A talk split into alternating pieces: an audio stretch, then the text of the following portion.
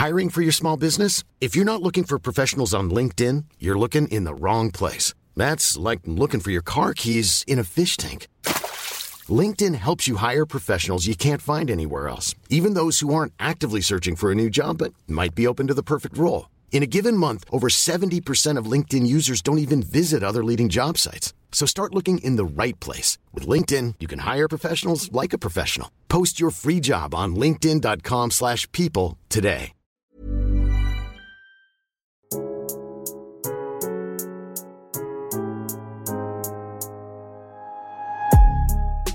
Välkomna till Max Tent Podcast med mig, Max Willman.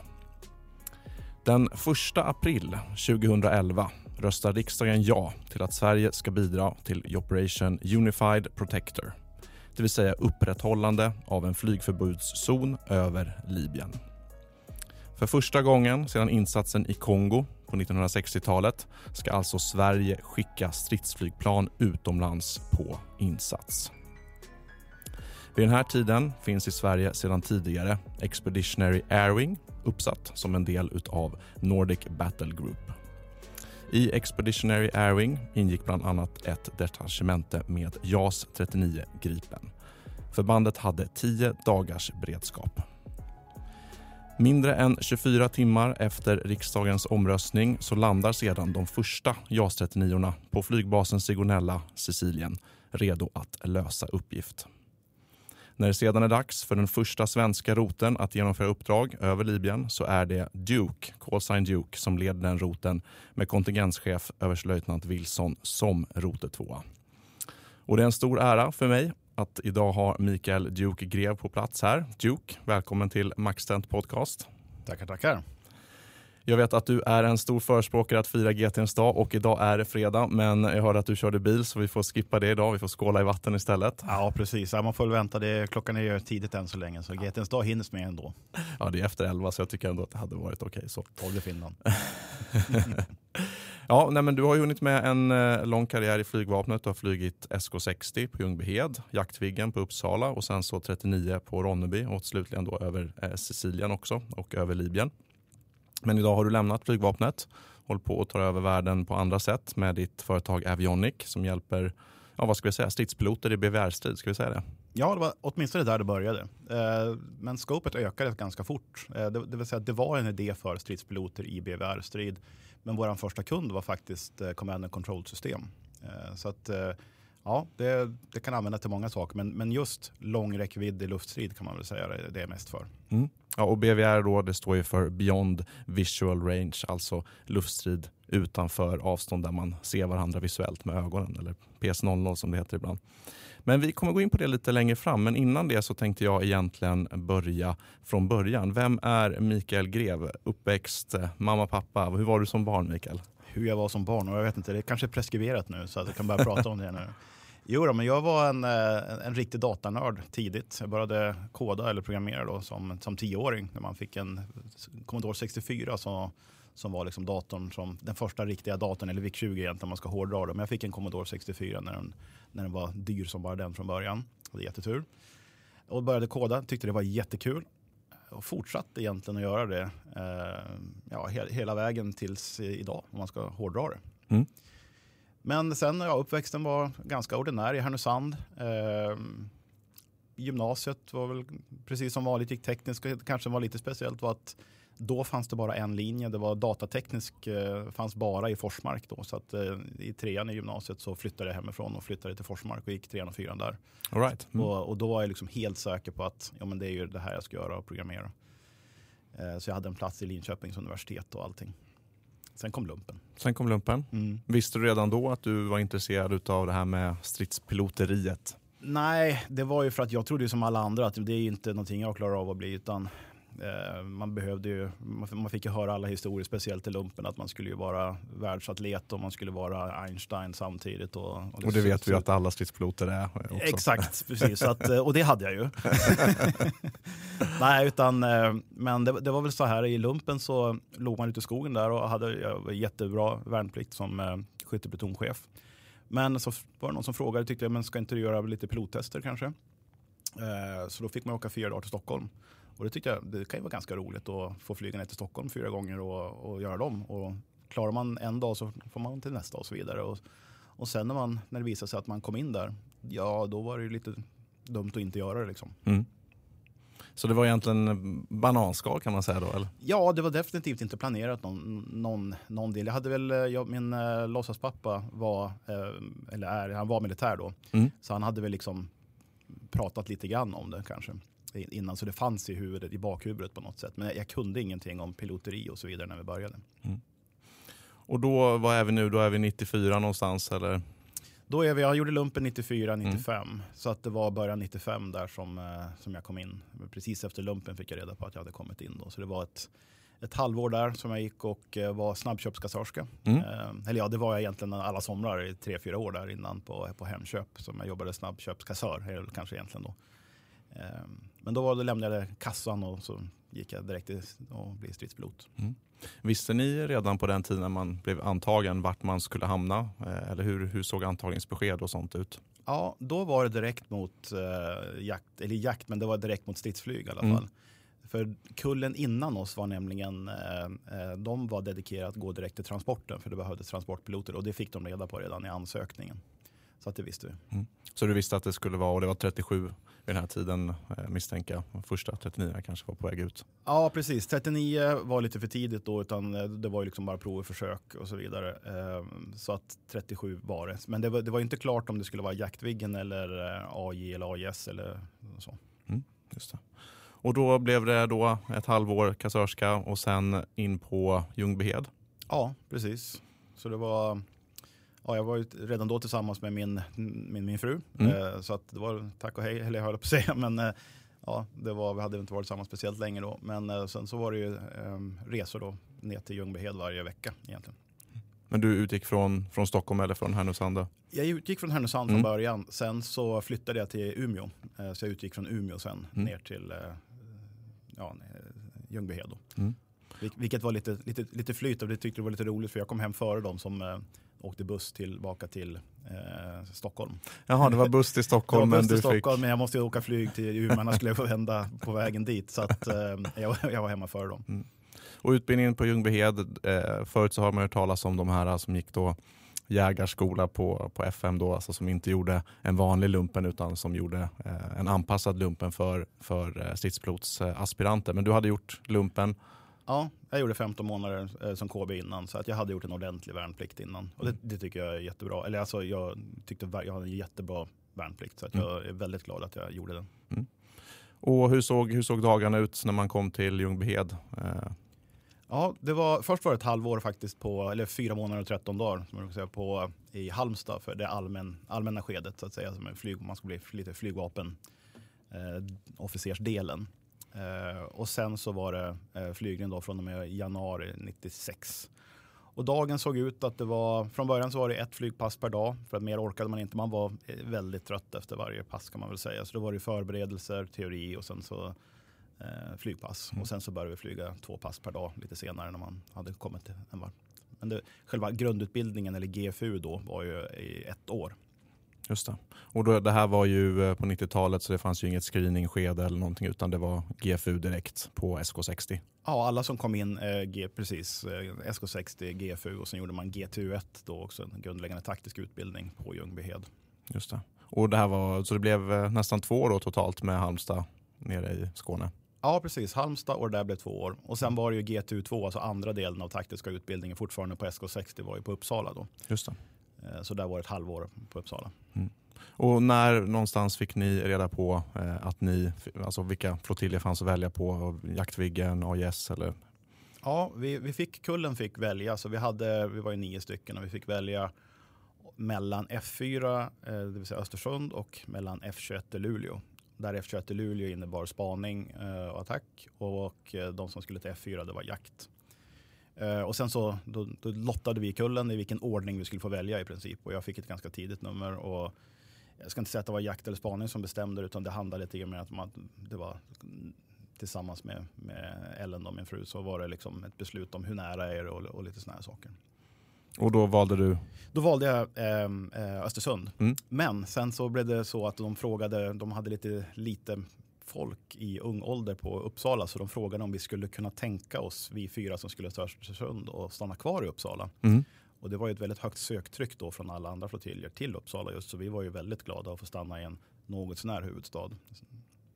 Så att det blev, eh, tanken var att ni skulle till, till F4 Östersund men det blev F16 eh, Ja. Uppsala. Mm. Precis, så vi gjorde TIS då som är ett typbeflygningsskede på Jaktviggen där som är ett halvår ungefär. Och sen GFSU som är grundläggande flygslagsutbildning, det är till CRT då. Mm. Ehm, Jag tror gjorde- faktiskt att man har bytt tillbaka till GFSU igen. Ah, men det, ja, det känns, känns bra, då, då är man cirkeln är sluten. Ja, då är man kunnig igen. Mm. Eh, Så det gjorde vi på Uppsala och sen fortfarande fortsatt flygslagsutbildning då, FFSU, eh, fortsatte vi där i- Uppsala Mm. tills de la ner. Och då är vi alltså, du var, det här var alltså i slutet av 90-talet som, du, eh, som det vart liksom Uppsala då? Ja, 98 och sen var jag där till eh, 2004. Jag var faktiskt sist på Petter Blå, eh, divisionen där för att jag hade ingen riktig stans att ta vägen då. Eh, och de la ju ner Petter Blå i princip i mitten på 2003 Mm. Eh, i praktiken. Så jag var där och städade upp i princip och var sist på plats. Ehm, för att jag hade en annan sak då redan. Eh, Dels så jobbade jag, eller så hade jag en plats på flygstridssimuleringscentrum som jag skulle jobba ett halvår på. Och sen skulle jag, eller så visste jag att jag skulle till eh, Australien. För att min fru var expat där, säga hon jobbade där. Eller skulle jobba där ett och ett halvt år. Och då följde jag med som lyxman i Australien. Ja, härligt. Mm. Ja. Ja, det är inte fel. Det kan jag rekommendera. Ja, precis. Och eh, lite kort om utbildningen till JA. Eh, du sa det innan TIS, alltså inflygning på JA eller på 37 och sen så GFSU då, där man lärde sig strida med eh, Jaktviggen. Mm. Hur såg det ut? Eh, hur lång tid och tog det och vilken typ av pass var det? Ja, själva typinflygningsskedet är ju bara då lär man sig spaka flygplanet. Som första passen är det en tvåsits och sen så börjar man flyga ensits. Så det handlar om start och landning och eh, in och utflygning i sektor och så vidare. Och sen eh, GFS då, då går man egentligen med ganska få pass egentligen per, för det finns väldigt mycket att göra med stridsflygplan. Man kan tycka vad man, då man ska flyga, men det är alltså ett och ett halvt år med en till två, till ibland kanske tre, fyra pass i var, på varje sak man ska göra. Så att det kan vara jakt då, och så börjar man med en mot en, två mot en, en mot två, två mot två och sen så blir det fler. Och sen så ska man göra lite attack och sen ska man göra väldigt lite spaning då eftersom det är eh, eh jaktviggen, den som inte alls var så bra på spaning. Men det finns massa olika saker man ska göra inom det här så att det tar ett och ett halvt år att liksom bara nosa på allting. Så man är ju, efter de här ett och ett halvt åren så är man ju eh, grundläggande förståelse för allting. Men sen kommer ju den här FFS, då, det vill säga flyg, fortsatt flygslagsutbildning på ett par år där man riktigt blir bra på det man har lärt sig innan. Just det. Och hur såg det ut på den här tiden? Är det, är, vi har fått Amram här till JA, så att det var liksom, BVR-striden var verkligen på gång eller var det fortfarande helt fokus på manövrerande strid och visuell strid? Det är nog lite grann beroende på var man var någonstans. Vi, man kan säga så här, på Peterblå så hade vi en tradition av väldigt mycket eh, manövrerande strid eller jaktpaj. De har kärt barn har många namn. Men det är kurvstrid och man, Bonka. ja, bonka och så vidare. Det, man, man kan väl hårdra det så här, Top Gun-strid alla 85 där. Det var ganska mycket sånt.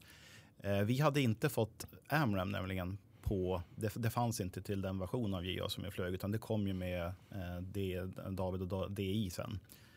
Eh, så att då hade vi bara eh, S, vad heter den? Eh, Skyflash. Skyflash, Mm. precis. Robot 71, Skyflash. Och den var lite grann, eh, det, det var liksom, ja det var BVR-strid man kanske inte såg den man sköt på, men det var ändå väldigt kort förhållande mellan den man sköt på och huruvida man träffade. Så att det var ändå ganska nära. Mm. Har vi någon avstånd ungefär? Eh, Nej, jag, jag kommer inte ihåg, det var Nej. för länge sedan, men liksom Ja. det var 10-20 kilometer någonting Ja, sånt kanske i storleksordning. Mm. Och idag så är vi ju ett par gånger det avståndet. eh, I de värsta fallen eller bästa fallen borde på hur man ser det. Mm. Ja, verkligen. Jag menar, Amram är väl tre gånger längre och sen har man Meteor två gånger ytterligare längre om man ska bara dra Mm. väldigt eh, övergripande siffror. Så jag Mm. menar, då är vi uppe på liksom 100 kilometer och mer. Så att, eh, då är det verkligen man, man inte ser varandra. Mm. Och, och Skyflash det var en semiaktiv. Exakt. Mm. Så det, den var man tvungen att behålla låsning med sin radar på målflygplanet som man sköt på då, Mm. hela tiden fram till träff. Just det. Och hotet på den här tiden hade, ryssarna hade förstås fått ut Su-27 med eh, A10C till exempel. eh, Som kanske var prestanda överlägsen egentligen då.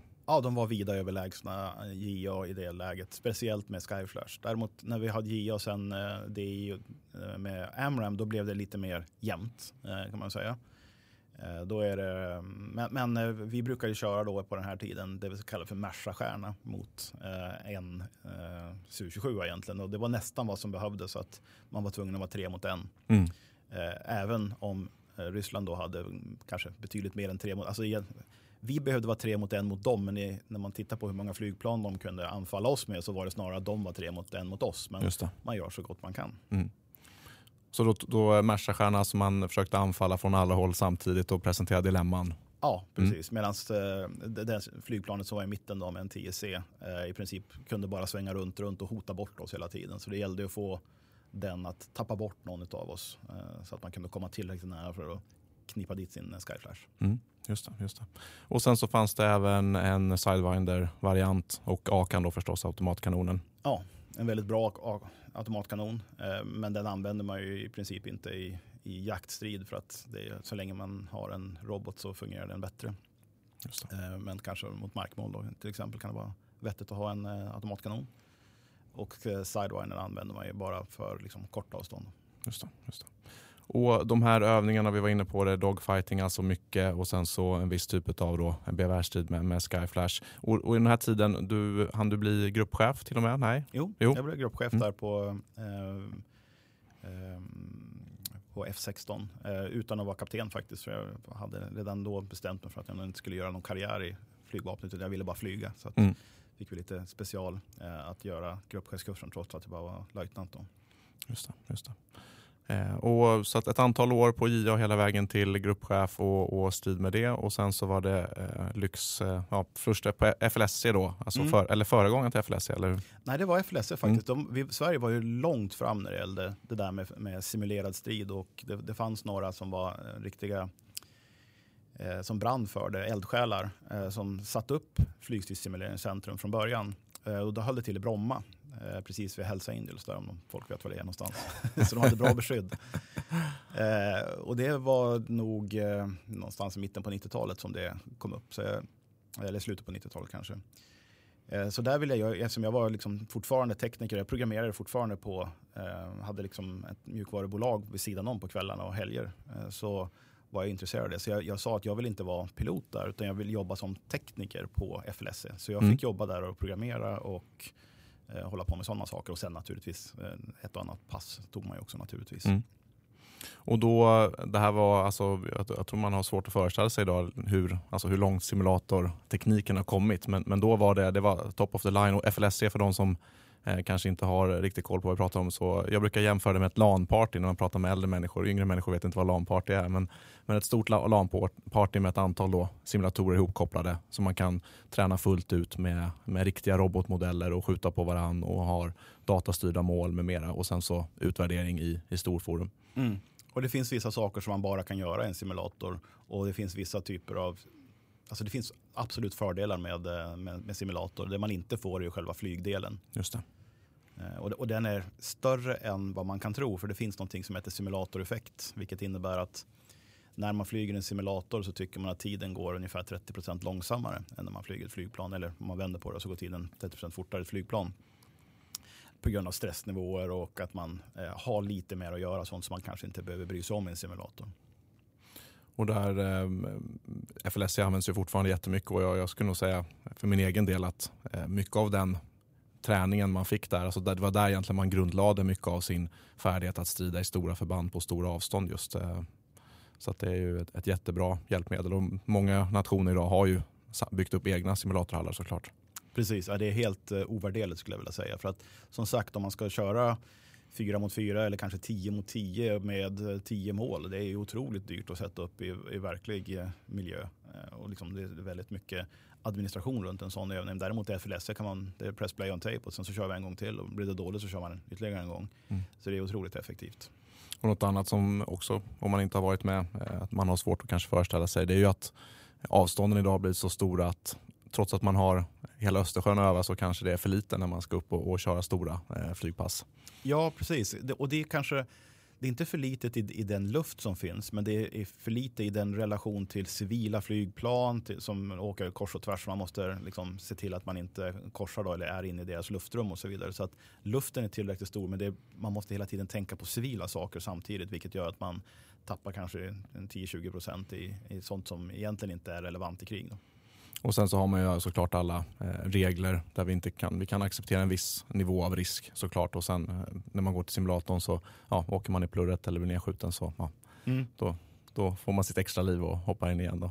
Precis. Och, och, en sak som jag tycker är viktig också som vi kanske kommer in på sen, det, det är, vilken är del av vår produktflora, det, det, är det finns en stor fördel med FLSC och, och simulatorer. Det är att till exempel så eh, när man flyger i riktigt, riktiga pass så har vi inga robotar som flyger iväg. Och vilket innebär att den som blir påskjuten, han vet inte om att han har en inkommande robot. Trots att egentligen skulle han veta det för att det är aktiva robotar vi skjuter idag mest, eh, mestadels. Så det, det här kan man använda som en information.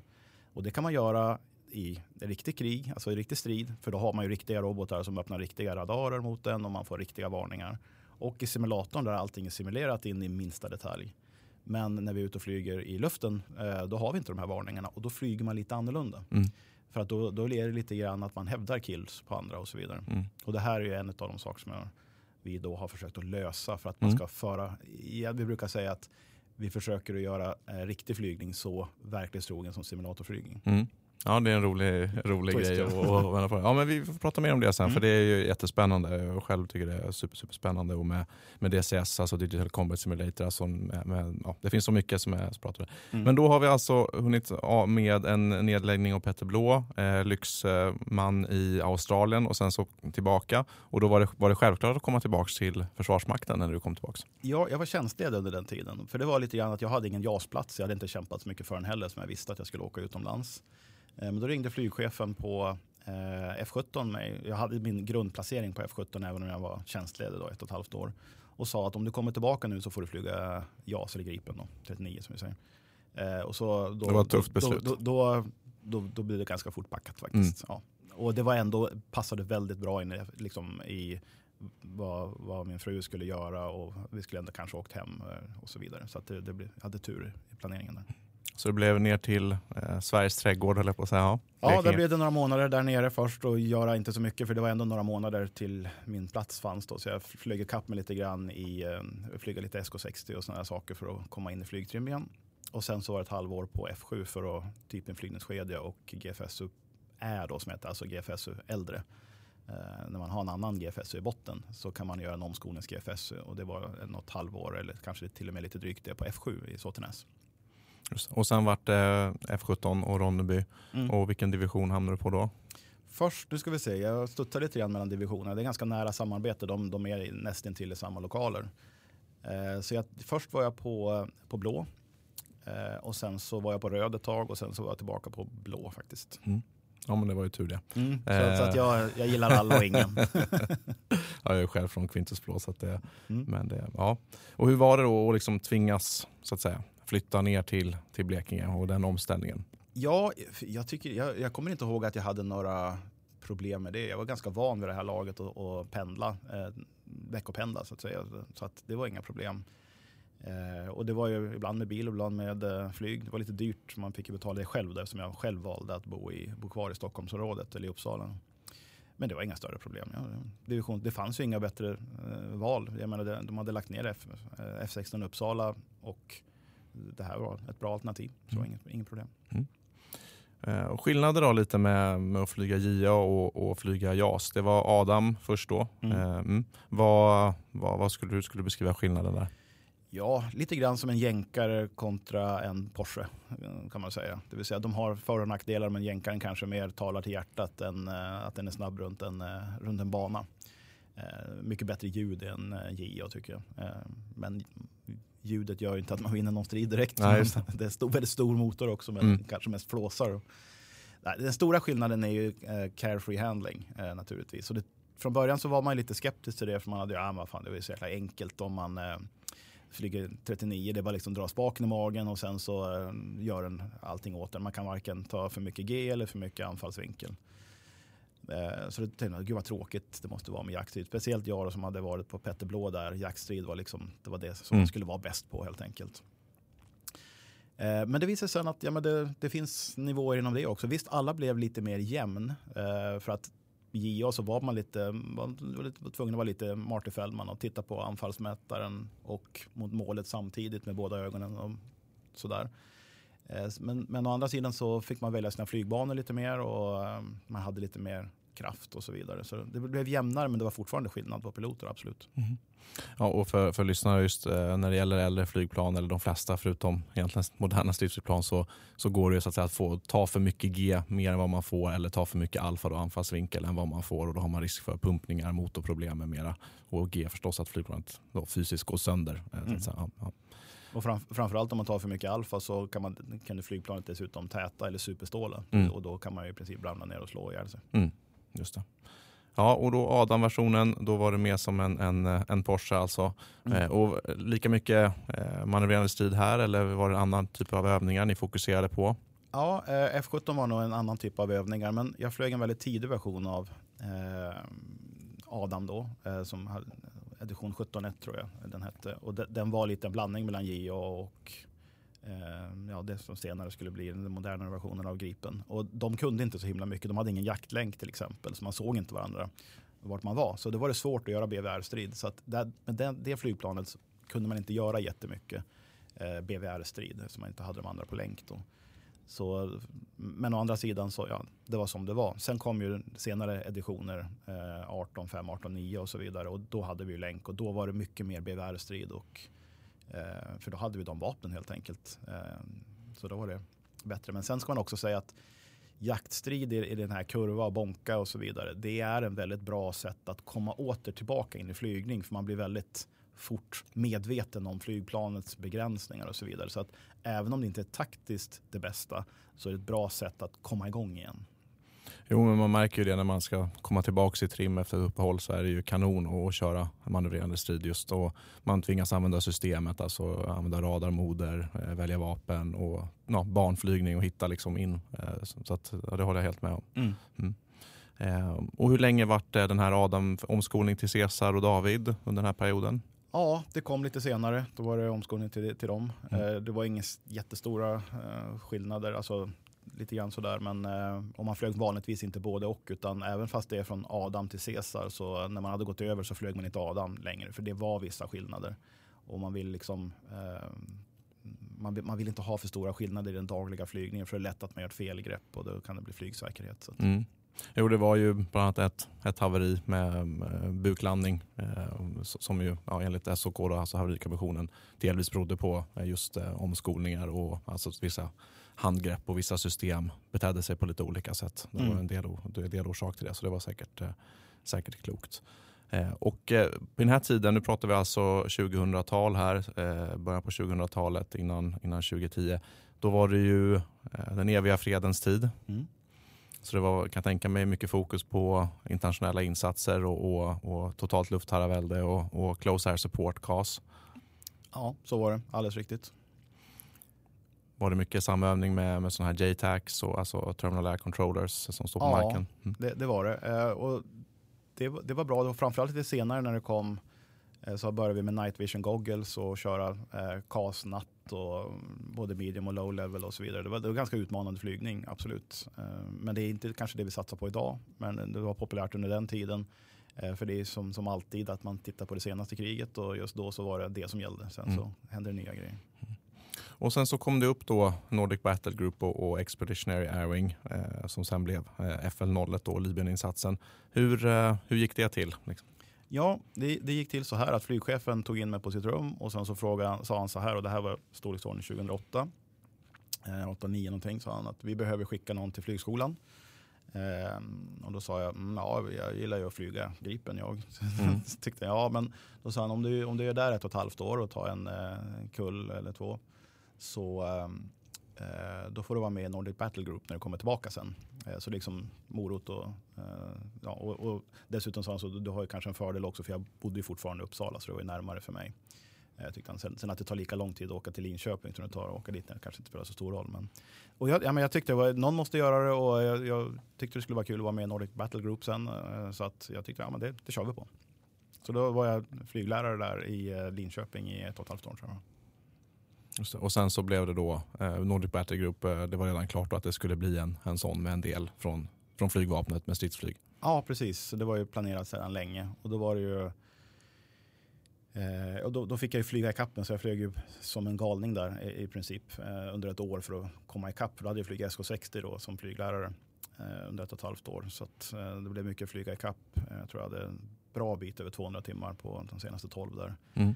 Eh, så det var jättekul och då kände man den här känslan att man klär på sig flygplanet och mm. flygplanet gör precis som man själv vill.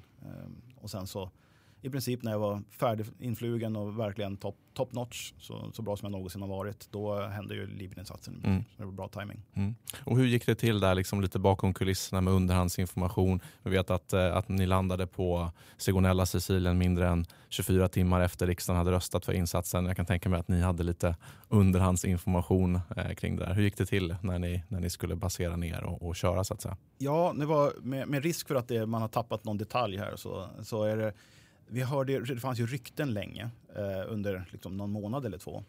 Eh, att liksom, det kanske blir någonting. Men det, som politiker håller ju alla dörrar öppna naturligtvis. Men vi hade officiellt tio dagar som jag inte missminner. Mm.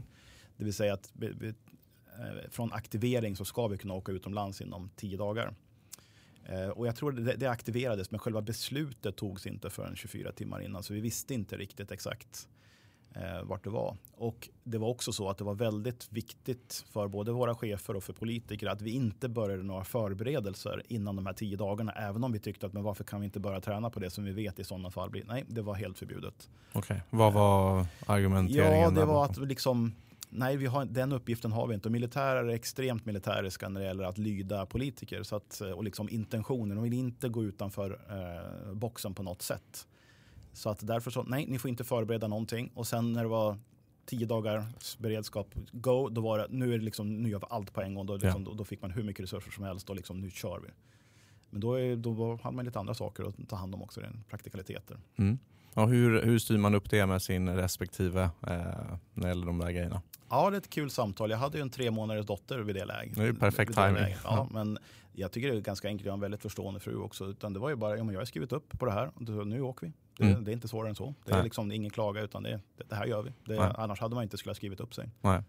Men det gäller kanske att ha det samtalet då i samband med att man skriver upp sig så att man har absolut, haft det. Mm. Absolut, har man inte haft det då har man gjort fel tycker jag. Utan mm. det, är, det är klart att har man skrivit upp sig och det, det kan man ju alltid hypotisera att det, det, det, var ju så att man fick en liten månadspeng där för att ha skrivit upp sig på den här korta tiden också. Det kanske var de som hade räknat med att det blir aldrig någonting och så vidare. Och de kanske fick det lite jobbigare. Ja, just det. Eh, och det var ju alla slag, det var, jag tror det var hundra personer kanske, någonting sånt där, som hade den här tio dagars. Mm. Eh, men eh, ja, så, så, är det. det är. det. är. en del av att vara militär, att man ställer upp när det händer. Mm. Och det var i princip hela det här Expeditionary Airwing som lyftes ner till eh, Sigonella? Ja, om det, om det var hela eller delar. Jag tror att det är del, var delar av det. Den gjordes om lite grann. Mm. Eh, den där är, jag har ju en, en kompanjon, Stefan Wilson här, som var kontingenschef då. Mm. Som har väldigt bra koll på just den där, de här detaljerna. Eh, jag har inte själv, utan jag var ju bara Pelle Pilot här som, som flög ner. Så att säga. Bästa positionen? Ja, jag tycker jag i alla fall. Ja, men då blev det dags att åka och eh, ni åkte ner. Och Sigonella, när blev det klart att det skulle vara just Sigonella? Mm, igen för, med, med viss risk för att jag kommer inte ihåg alla detaljer. Så jag, vi, var, vi åkte ner i två omgångar eller om det var tre. Eh, och där den första omgången, jag var inte med i den första omgången som åkte ner. Eh, I princip så visste de inte när de startade vart de skulle landa någonstans. För det var inte klart att det var Sigonella. Och jag är osäker på om de fick det på Keshkemet där de mellanlandade. Eller om de fick det i luften på vägen ner mot Italien, vart exakt de skulle landa. För att det var, det var massa underhandsförhandlingar här naturligtvis. Såklart. Var ska alla landa någonstans? Sigonella var bäst för att det är närmast området. Ja. Och Gripen, eh, ja, den har inte jättelång räckvidd för den är gjord för hemförsvar så att mm. säga. Eh, så vi ville vara nära och det var första gången för oss och så vidare. Eh, så att det var bra förhandlat av de som lyckades där. Eh, att vi hamnar på bästa stället egentligen. Mm. Och de mellanlandade Keshkemet och Keshkemet är ju en ungersk flygbas där man, ja, där man är van vid att hantera 39 Precis, mm. och det, det, var det som var så bra att de hade ju eh, 39 tekniker och allting så det var bara precis som att komma till en svensk bas, bara vända flygplanet och starta igen. Mm. Utbildade i Sverige också, eh, säkert de flesta av dem. Ja, ja det tror jag nog. Mm. Ja, och då, sen så ombaserade hela förbandet då, eh, ner till Sigonella och så lite uppsättningar. Hur snabbt efter att ni var på plats började ni eh, verka? Vi hade kunnat börja verka i princip från dag ett. Eh, och vi varje dag torrövade vi, det vill säga precis som om vi skulle åka. Men det var lite grann, det var första gången vi var i en, en det här var en NATO-ledd insats, även om det var en FN-insats så var det Mm. ledd av NATO. Och det var lite grann vi- som vi hade att lära där. Eh, och en annan eh, inlärningsdag som kanske de som följde med i tidningarna eh, kommer ihåg, det var att vi hade problem med bränslet. Eh, och det gjorde ju, det tillsammans med en, lite andra eh, saker gjorde att det tog några dagar. Jag kommer inte ihåg hur många, om det var en vecka eller om, om det var mer. Men eh, det, det tog ett tag och, och det var helt enkelt det att eh, flygplanet var inte certifierat för den typ av bränsle som fanns på den basen. Och det kanske också det är lite grann en produkt från den eviga freden där att ja men varför ska man certifiera flygplanet för andra bränslen än de vi har i Sverige? Mm. Det är lätt att vara efterklok. Mm. Och mycket annat som låg på efterkälke också kan jag säga. Mm. Just det. Men då kom ni ner och så var det eh, komma in i tillsammans med massa andra eh, länders eh, förband också såklart. Och sen så ja, NATO-struktur med ATO, Air Tasking Orders. Och så till slut så vart det åka av. Ja.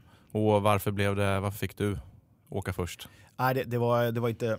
Eller, ja, dels, jag, jag erbjöd mig och sa att eh, jag är inte så nervös av mig. Det var, fanns en del nervositet. Jag tror inte bland de, så många piloterna kanske. Men jag sa det att jag, jag tar gärna första passet. Mm. Eh, det var en sak. Men sen var det också så att vi, vi torrövade varje dag. Och det var också så att det var en del, delvis tur, det vill säga att det var min tur att ha det passet. Eh, och sen så hur mycket det var manövrer, manövrerande för att det skulle bli det passet och de visste om det eller inte, det kan jag inte svara på. Eh, men eh, ja, så det var, det var jag och då hade jag faktiskt divisionschefen. Ja, jag sa fel där. Ja, precis. det var Det divisionschefen eh, som jag hade som, som tvåa. Mm. Eh, och det fanns nog, eh, det fanns nog något bra skäl till det. Mm. Eh, det var inte planerat så, men eh, han frågade om jag kunde ta, ta det första passet. Mm. Det var mycket annat eh, som hände där, som han var tvungen att stå i, som jag som Pelle Pilot inte behövde stå i. Nej. Så att jag tog med glädje det. Hiring for your small business? If you're not looking for professionals on LinkedIn, you're looking in the wrong place. That's like looking for your car keys in a fish tank. LinkedIn helps you hire professionals you can't find anywhere else, even those who aren't actively searching for a new job but might be open to the perfect role. In a given month, over 70% of LinkedIn users don't even visit other leading job sites. So start looking in the right place. With LinkedIn, you can hire professionals like a professional. Post your free job on linkedin.com/people slash people today. Gör det. Och det är ju någonting som jag tror jag nämnde det i första avsnittet av podden. Just att Eh, som pilot så eh, kan man ganska ofta få eh, olika typer av chefer som alltså underenheter. Alltså man har för flyguppdraget befälsrätt då formellt sett över folk som egentligen är högre i rang. Just för att ja, de har andra uppgifter dag till dag och, och Pelle Pilot brukar vara ganska duktig på just att vara pilot. Absolut. Det är, det är så när man väl har startat så är, det ju, så är man befälhavare och då är man, bestämmer man över sitt flygplan och då har, då har graden egentligen ingen, ingen betydelse utan det är den som är utsedd som, till förbandschef, då, alltså för det förbandet som flyger i luften som bestämmer. Och det kan vara, det kan vara en löjtnant i mitt fall då, som har en, skulle kunna ha en general i baksätet eller som två. Det spelar absolut ingen roll. Då är det jag som är chef just då. Så fort vi landat sen då är han eh, chef för mig igen. Då. Mm. Precis. Ja, nej, men det, och det tror jag är lite, lite unikt för flygvapnet kanske. Jag vet inte exakt hur.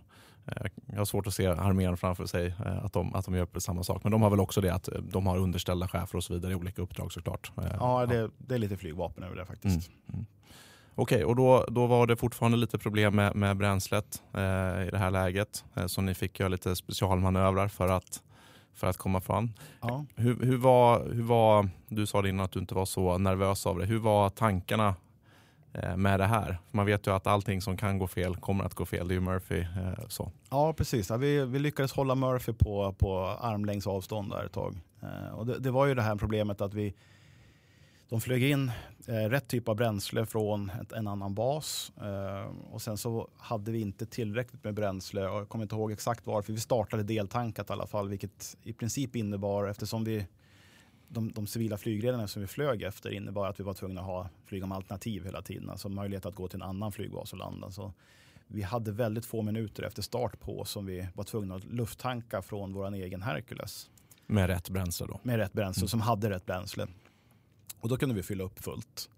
Men det här var liksom en, en väldigt delikat timing i det att de var tvungna att starta först och vi startade direkt efteråt och hooka upp på lufttankning i princip på vägen ut så fort vi fick eh, enligt rätt luftrum. Eh, sen är det alltid så att i Italien, i Sverige så har vi våra flygledare är snabba och alerta och allting mm. sker bra och vi är vana att när man ropar upp så får man starta och så vidare. I Italien så är det lite mer att där får man vara glad om man kommer iväg inom 30 minuter från det att man har startat upp. Eh, ibland så kan det ta 10 minuter, ibland kan det ta 45 minuter och man vet aldrig varför. Mm. Och här blev det någonstans emellan. Så vi lät väl lite panikartad på radion eller typ nu måste vi starta. För mm. att härkan drog iväg. Mm. Sen fick inte vi klart att, att rulla ut. Och därför såg vi hur den försvann då, våran, eh, napp, er, våran napp, man ser våran nappflaska dra iväg där och, och vi började skrika som barn där att nu måste vi fan dra annars, annars kommer vi inte på den tillräckligt snabbt. Och då Nej. hade vi liksom måste bara landa igen. Mm. Och då hade det blivit kalkon. Mm. Så, eh, men men det, efter lite, lite högljutt äh, gafflande på radion där så fick vi starta då. Du fick plocka fram din bästa italienska? Där, ja, exakt, jag satt, jag satt i cockpit och mm. körde med händerna och då kände jag då lossnade när jag började förklara med händerna i cockpit att vi ville starta. Ja, sen var det att åka eh, snabbt men inte för snabbt som man gör med för mycket bränsle i kapp härkan då och lagom till vi skulle koppla upp och så fick vi bränslevarning. Mm. Såklart att nu måste det landa. Mm. Men där är det bra att man är, bränslevarningen det är vad flygplanet säger. Mm. Och eh, där är man ju befälhavare så man, man, är ju, eh, man bestämmer över flygplanet i det läget. Eh, så man, när man har landat så får man ju ta alla konsekvenser men man är i alla fall beslutsfattare i det läget. Så med lite noggrannare eh, överslagsräkning så kom jag nog fram till att vi kan nog fortsätta en liten stund till. Mm. Eh, jag, tror jag ska någon, vara. Ja, det, det, var någon general på det där flygplanet också. Och jag, jag har fått okej okay från alla efter det där. Så det, var, det var viktigt här att mm. komma iväg. Mm. Eh, och då fick det väl vara så att det, eh, skulle man landa med någon procent mindre så so be it. Det mm. var ju trots allt på riktigt. Eh, och, och, det var inte så att vi bröt mot några regler egentligen. Utan man var bara tvungen helt enkelt att ta en kalkylerad risk. Mm. Och det är egentligen mycket av det som stridspilotyrket handlar om. Det är ju att ta kalkylerade risker. Skulle vi vara helt säkra skulle vi inte flyga någonting naturligtvis. Och, så, ja. och sen så finns det en skala hela vägen till, till krig. Eh, exakt, så, mm. exakt så. Mm. Men ni kom på eh, Herkulesen då till slut och kunde lufttanka. Jag, jag tycker själv lufttankning var det absolut mentalt jobbigaste jag gjorde eh, i eh, i en 39 överhuvudtaget faktiskt. Mm. Eh, just, ja, och det har ju lite med proben då. Lufttankning handlar ju om alltså att eh, pricka en korg med en prob i ja, inte riktigt 1000 km i timmen, men, men eh, ja, det är snabb hastighet så att säga. Då ska man flyga in i den här korgen och sen ska man få soppa från det andra flygplanet, då, lufttankningsflygplanet. Precis, det, det var en, eh, under utprovningen till 39, så jag, inte förstahands utan andrahandsinformation, men då var det en fransman som eh, flög med eh, för att certifiera flygplanet tror jag mot en viss typ av tanker. För man måste, varje flyg, flygplan måste certifieras mot varje typ av olika tanker. Så är det. det typiskt allting ska certifieras. Och då sa fransmannen att ni, eh, Gripen har världens sämsta placering av proben. Mm. Men ni kompenserar genom världens bästa styrsystem. Mm. Och det, jag håller med fullständigt. Det är en helt bonkers placering av eh, lufttankningsproben. Eh, för den sitter bakom piloten så man ser den inte samtidigt som man ser korgen. Utan man flyger in genom att använda kraften eh, från Star Wars. Mm. Eh, så är det. Eh, och efter ett tag så lär man sig använda kraften eh, och tur mm. och, och, hålla bort Murphy mm. i princip. Ja, och, och bränslevarning på det och lite politisk press att man ska komma iväg och så. Så det låter som perfekta... Precis, som en divisionschef som sätter min lön eh, som tvåa. det var perfekta förutsättningar för att eh, ex expandera sin eh, sin eh, comfort zone. Precis. ja, men det lyckades. Och eh, den här typen av uppdrag, det var både spaning och eh, luftförbudszonen va, som var under insatsen. Ja, precis. Vi började med, eh, det var väldigt mycket eh, försvara tankers och sådana saker i början. Här ska man veta att NATO hade ju ingen, de visste ju knappt om våra flygplan, vad det var för någonting. För vi hade inte varit med i någon NATO-insats. Eh, så de såg väl lite skeptiskt på det från början så vi fick liksom mm, lite lägre nivå på våra pass från början. Sen när vi visade våra eminenta spaningskapsel och några kort, alltså några bilder och våra, Ehm, den rapport man skriver efter eh, när man tar bilder och så vidare med våra fototolkar som var fantastiskt duktiga eh, och började skicka in det till högkvarteret. Då small det till där och sen så fick vi i princip spana hur mycket vi ville. Eh, och då helt plötsligt så fick vi också allokering av tankers, vilket alltid är ett väldigt smalt område. Så att säga. Det är svårt att få tankerallokeringar för att det finns för få tankers. Så då, då åkte vi upp i prioriteringsordningen, helt klart. Mm. Och hur, hur, såg det ut då? Om vi ska ta ett pass från, från början till slut. Eh, hur såg det ut? Eh, vilken tid på morgonen var det här? Det här var väl dagsspaning misstänker jag eftersom det var fotospaning det mesta. Ja precis, vi flög nog mestadels på vi flög på natten också men eh, vi flög nog mestadels på dagen. Eh, jag kommer, jag kommer inte riktigt ihåg faktiskt. Nej. Men, det är bara 12 år sedan. Så. Ja exakt, 12 år sedan. Det har hänt så mycket sedan dess. Eh, nej, men normalt sett så börjar man ett par, några timmar innan eh, och då har eh, de som eh, heter MSC eller Mission Support Element, de har jobbat kanske ett par timmar innan genom att bryta ner då, som vi säger, ATO och ACO som är Air Tasking Order och Air Coordination Order som kommer från NATO som säger vilka ska flyga vart och vad ska de göra och så vidare. Och hur man kommer in på den listan det är de som jobbar i KEOC i, i, så att säga, i, i NATO-staberna som, som gör då. Men då bryter de ner det här och skapar en grundplanering för hur vi ska flyga flygpasset. Och sen kommer vi piloter eh, som presenterar dem vad de har tänkt och sen så gör vi ofta lite justeringar ibland, speciellt från början och efter ett tag så visste de hur vi vill ha det så då var det nästan klart när vi, när vi kom. Och sen är det undbriefing, alltså underrättelsebriefing och sen är det ett antal andra briefingar egentligen då som ja men det här är området, det här ska ni göra och, och så vidare. Eh, och sen så mycket, eh, man går igenom alla kodord och det, det, det, är en himla massa saker. Så kanske en timme går åt till bara liksom, läsa in sig på alla såna administrativa grejer. Igen, vad, vad, gör man om man skjuter ut sig? Vad gör man om det här händer? Vad gör man om det där? Så det måste man, som ett mantra måste man, för det är mycket man ska komma ihåg. Mm. Eh, och sen så man, går man och, när man är klar med det så är det någon timme kvar till start eller en och en halv kanske till och med. Eh, då går man och klär på sig flygutrustningen och den är ganska tung så den vill man inte ha jätte, jag tror den väger 15-20 kilo eller någonting sånt där när man har allting i. Så man blir lite trött och, och går med den hela tiden. Lite varmt också kanske varmt. på Sicilien. Ja, ja precis. Eh, så då går man och klär på sig den eh, så sent som möjligt och sen så går man förbi eh, programledaren och får en step brief precis på vägen innan man går till flygplanet. Och sen så går vi ut och det här var det ju ofta 35-40 grader på plattan då så det var de här 200 meter vi gick till flygplanet så var man helt svettig. Mm. Eh, men då kan man hoppa i flygplanet och där finns det luftkonditionering mm. så att, då var det skönt. Så kopplar man in den. Eh, och sen, eh, vi var ju ute och startade flygplanet någonstans i storleksordningen 45 minuter innan start. Där. Mm. Eh, och hur lång tid innan, var det ni kom, innan start var det ni kom till, eh, till MSC då, så att säga, och började er egna planering ungefär? Jag tror i storleksordningen tre timmar, mm. Nå någonting sånt. Så att om du hade ett morgonpass, och jag kommer ihåg att det var ganska, jag är inte morgonmänniska, så att jag kommer ihåg nämligen specifikt att man var tvungen att kliva upp i ottan verkligen. Mm. Och MSC då ännu mer i ottan, mm. jag vet inte ens om de gick och la sig. Eller vad de gjorde. Just det. Nej, men det är många som, det också tänker man inte alltid kanske på, att eh, förutom piloten så är det ju extremt mycket annat folk då. Vi pratar om mission support element som har hjälpt till då innan insatsen, underrättelse, inhämtning och sen så NATO-staben som har planerat uppdragen liksom i sin tur och så vidare. Och så vidare. Ja. Det är en jättestor organisation eh, och då ska man veta att svenska organisationer, jag tror om vi var i storleksordningen 100 pers för 10 och 10 piloter och om det var fem flygplan från början så eh, det förhållandet om det skulle vara amerikanska är väl kanske, kanske nu tar jag eh, bara på siffror men 300 för personer runt omkring för att mm. göra samma sak. Så det är väldigt mycket fel. Så vi är väldigt effektiva som svenskt förband. Eh, men man kan ändå tycka att det är mycket med 100 pers för 10 piloter. Mm. så är det. Mm.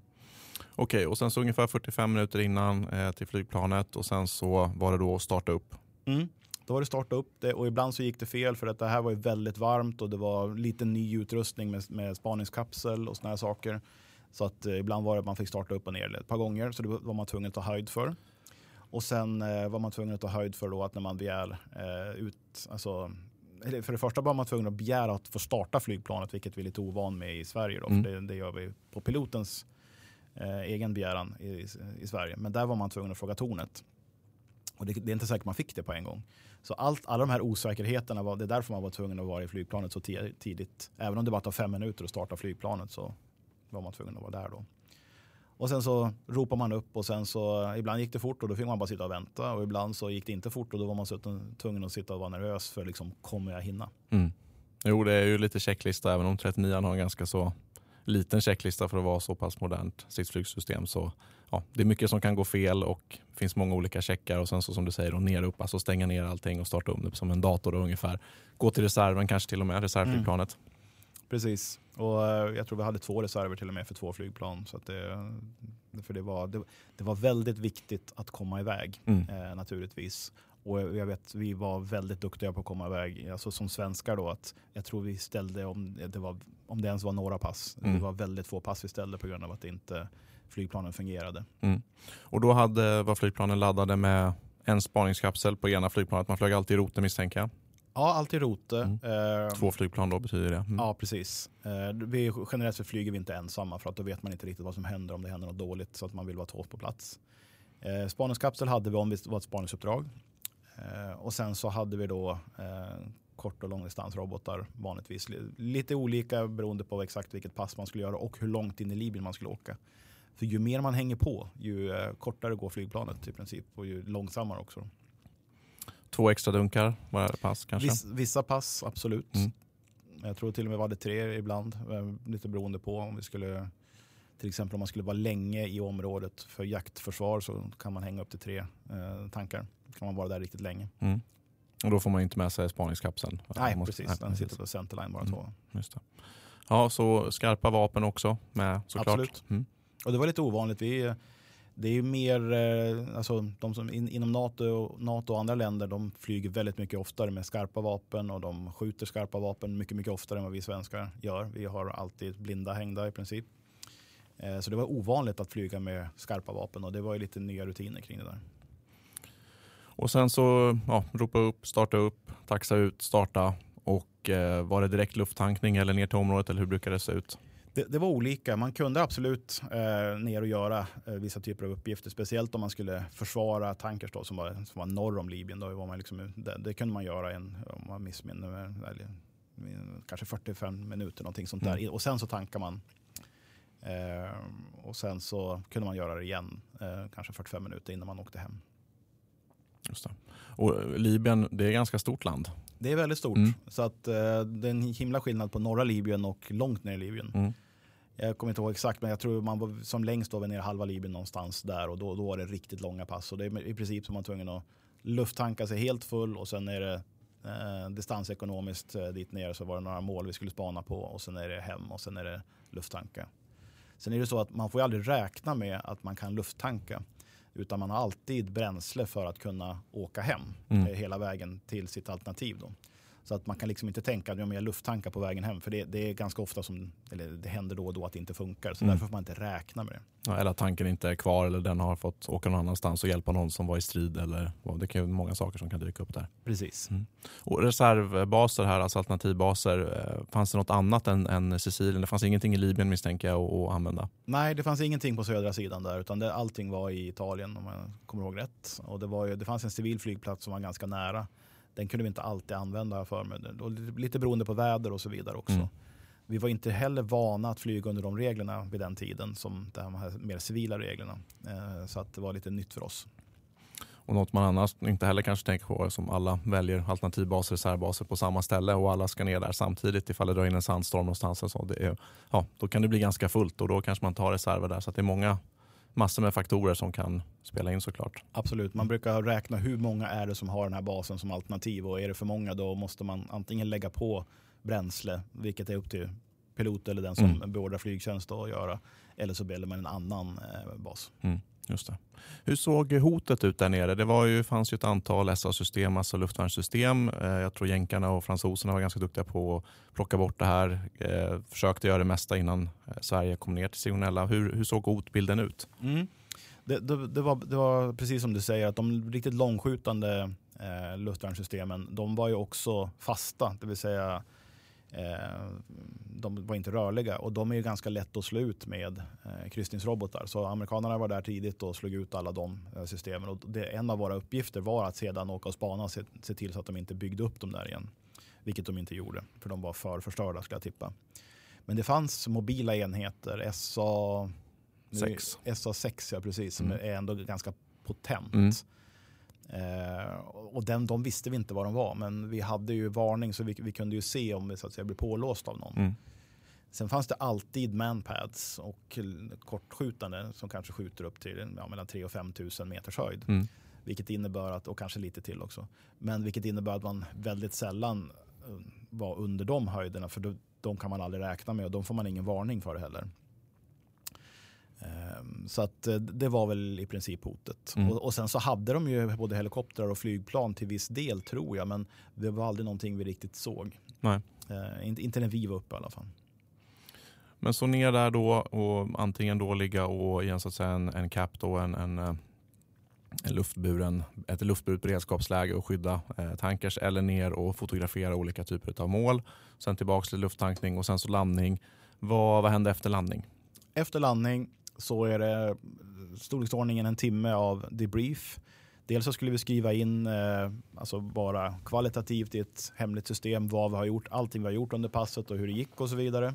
Men sen även så, och det gjorde vi vanligtvis medan eh, eh, fototolkar och Mission Support Element då, tog hand om datastavarna som finns i flygplanet.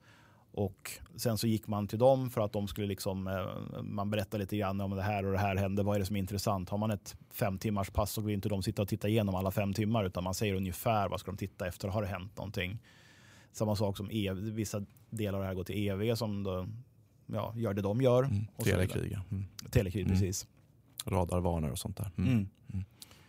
Så det det är vad man gör och sen har det i princip gått en tiotal timmar, någonting sånt, som är en vanlig arbetsdag och mm. man är rätt hyfsat trött. I alla fall från början var man det, sen kommer mm. man in i det lite mer efter ett tag. Eh, så det är rätt lagom att eh, dra sig tillbaka för den, den arbetsdagen. Mm. Och operationstempomässigt, hur ofta var man inne i den här cykeln? Var, jag kan tänka mig att det inte var varje dag man eh, flög. Nej, det var inte varje dag som man flög. Jag tror det var i storleksordningen varannan dag. Mm. Eh, det var som alltid, det är alltid någon som är sjuk. Mm. Eh, och sen så är man en programledare också som är, måste vara pilot. Som är liksom eh, den som i princip sitter med telefoner och radio för att kunna...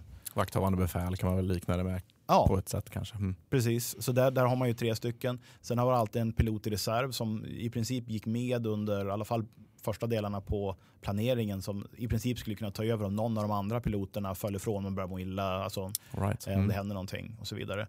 Eh, ja, och sen så fanns det, liksom, det fanns ju annat att göra också. Det var inte bara att flyga flygpassen som vanligt utan det var ju att hjälpa till med att hålla saker och ting uppdaterade, eh, lägesbilder och så vidare. Så man, man, var ju där, man jobbar ju i princip varje dag. Mm. Så ganska långa dagar och, och långa veckor kan jag mm. tänka mig. Mm. Och så en och annan dag ledig här och där. Här och, där. Mm, just det. och hur länge var, var, du på plats? Det är tre månader. Tre månader? Ja. Hur, hur mår man efter tre månader? Är man liksom färdig? Är man mör? Eller? Jag, jag tror inte det. Jag, vet, jag kanske är lite knäpp men jag, det, det, var, eh, kändes inget speciellt egentligen. Jag var inte överdrivet trött. Eh, sådär. Jag, jag fick, eh, vi var tvungna att åka hem och, och, byta flygplan så jag var hemma en, en natt där också någonstans i mitten. Eh, för då åkte vi tillbaka till Sverige så tog jag ett nytt flygplan på vägen ner. Då. Och det hände ett par gånger. Inte, inte jag fick göra det en gång. Mm.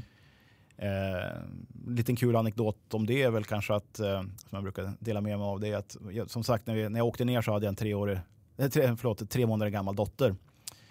Eh, så, som vi lämnar och det tänkte jag inte henne, hon kommer inte att komma ihåg det här.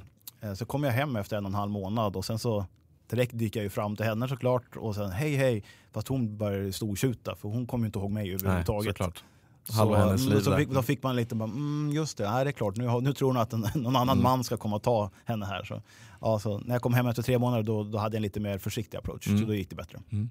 Jo men det brukar väl vara, vara bra att ha en, en lite mer ja, precis. Jag hade inte tänkt igenom det riktigt bara.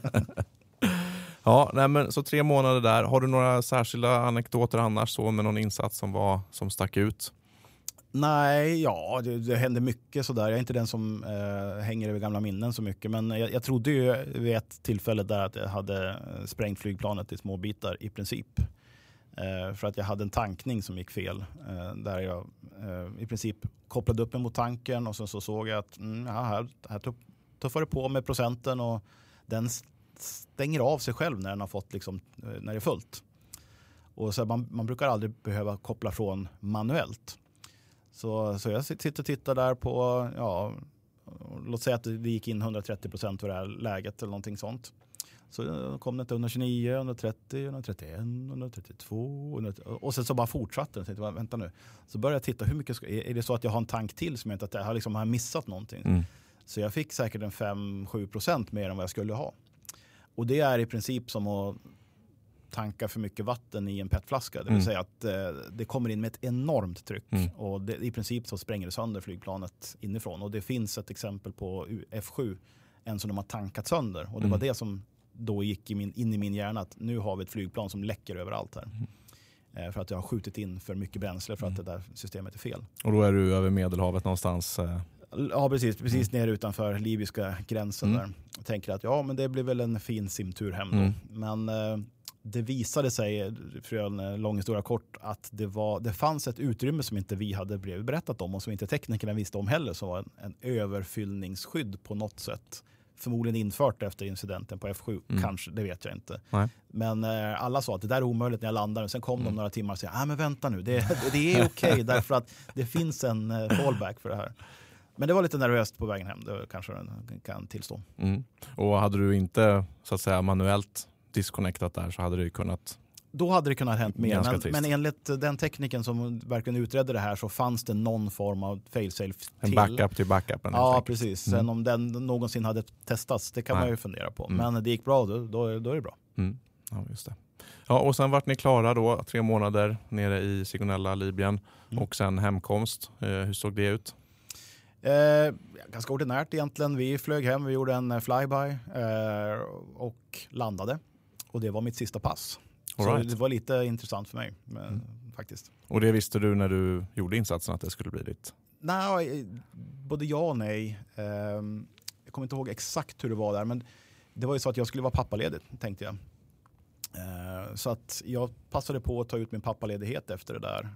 Och under den pappaledigheten lite grann samtidigt som ja, he- hela det här varför jag slutade flygvapnet egentligen. Mm. Eh, så det var väldigt många olika saker där som gjorde att jag liksom gled från en pappaledighet till eh, att eh, vilja bo i Stockholm till att lönen då och även många år efter det var betydligt mindre än vad jag egentligen tjänade som mjukvaruutvecklare Mm. på helgerna. Mm. Eh, och lite också den här känslan av att, eh, som jag sa, där jag hade väldigt många flygtimmar. Det, var, det där var toppen på min flygkarriär, Mm. det visste jag. Jag kommer aldrig bli så där bra igen eh, på att flyga och jag vill inte göra karriär.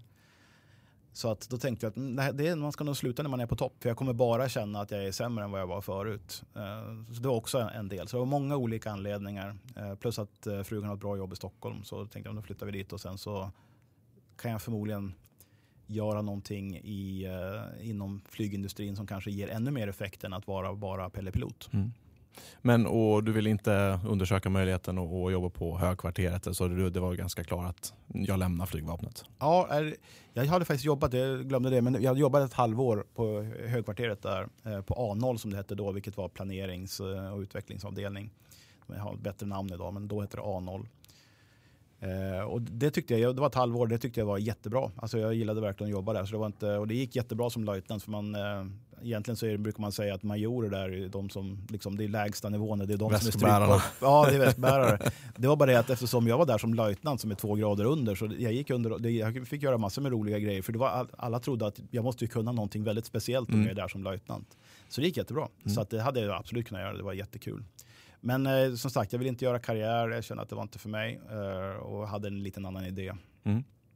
Ja, men berätta om den. Då, då, då, du fattade beslutet helt enkelt lämna flygvapnet, satsa på en civil karriär men ändå inriktat mot eh, det du, ja, området flygvapnet eller beslutsstöd eller ja, Ja. det där. Mm. Ja, precis. Då, då hade eh, en, eller jag hade väldigt många idéer, eh, eftersom jag är lite entreprenöriellt lagd då kanske. Mm. Så jag tänkte att ja, men jag, eh, eh, eller så här, det började egentligen i en annan ände. Det var att Flygstridssimuleringscentrum då hade fått ny som en idé som jag hade. Eh, och tillsammans med eh, flygvapenledningen eh, tänkte att ja, men jag hade pratat lite grann om en idé som jag hade fått. Och då sa de, den här tycker vi kan vara värd att prova på Flygstridssimuleringscentrum om du är villig att hjälpa till lite grann som konsulta lite grann. Så jag kan man säga var lite eh, teknisk pro- projektledare lite grann åt det där. Eh, den här idén då som kallas Rattlesnake, eller började kallades efter ett tag för Rattlesnake av en Mm. specifik anledning. Eh, Så det gjorde jag under två år så jobbade jag bara deltid egentligen som konsultade för att hjälpa till i den tekniska utvärderingen av den här idén. ja, det var, och det var där det började. Och det, Mm. Så det var två år. Samtidigt så konsultade jag även på Saab och eh, lite på lite fler ställen eh, samtidigt. Mm. Och sen så den här idén visade sig när, när den här utvärderingen gjordes på FLS där, det var 2012-13. Då eh, visade det sig att de var som, resultaten var helt eh, fantastiska. Det vill säga Mm. att jag, jag tänkte att om, om det här är, ger en 30-procentig förbättring av eh, effektiviteten i BVR-strid då tar jag vidare här i ett företag eller gör någonting mer i alla fall. Kanske Mm. gå till eh, den stora leverantören och säger liksom, jag kan konsulta i all evighet typ på det här eh, och så vidare. Och nu blev det flera hundra procent. Eh, och det är liksom en akademisk eh, vad ska man säga, en, en akademisk paper. Så det är Mm. liksom validerat, verifierat och klart. Mm. Att det är så här stor effekt.